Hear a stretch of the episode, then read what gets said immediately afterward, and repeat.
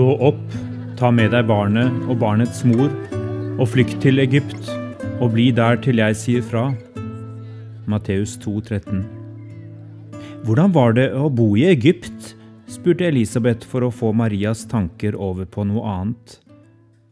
Tenk at dere har bodd i landet der våre forfedre tilbrakte flere hundre år. Fikk dere se pyramidene som de var med og bygget? Nei, sa Maria, vi var på en annen kant av landet.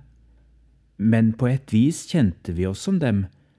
Josef måtte nærmest jobbe som en slave.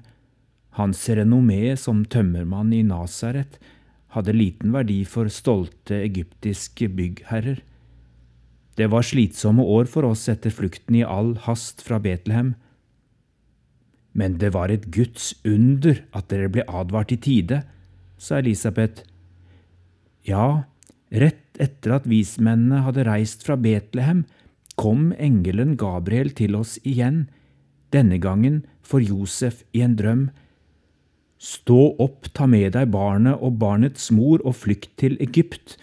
Herodes kommer til å lete etter barnet for å drepe det, sa Gabriel.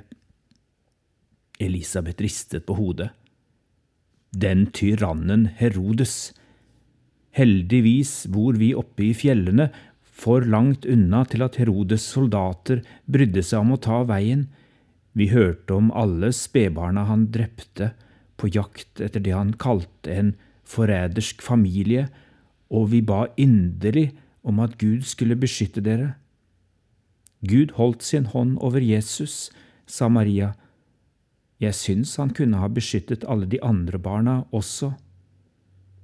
Din sønn er et lys i skyggelandet.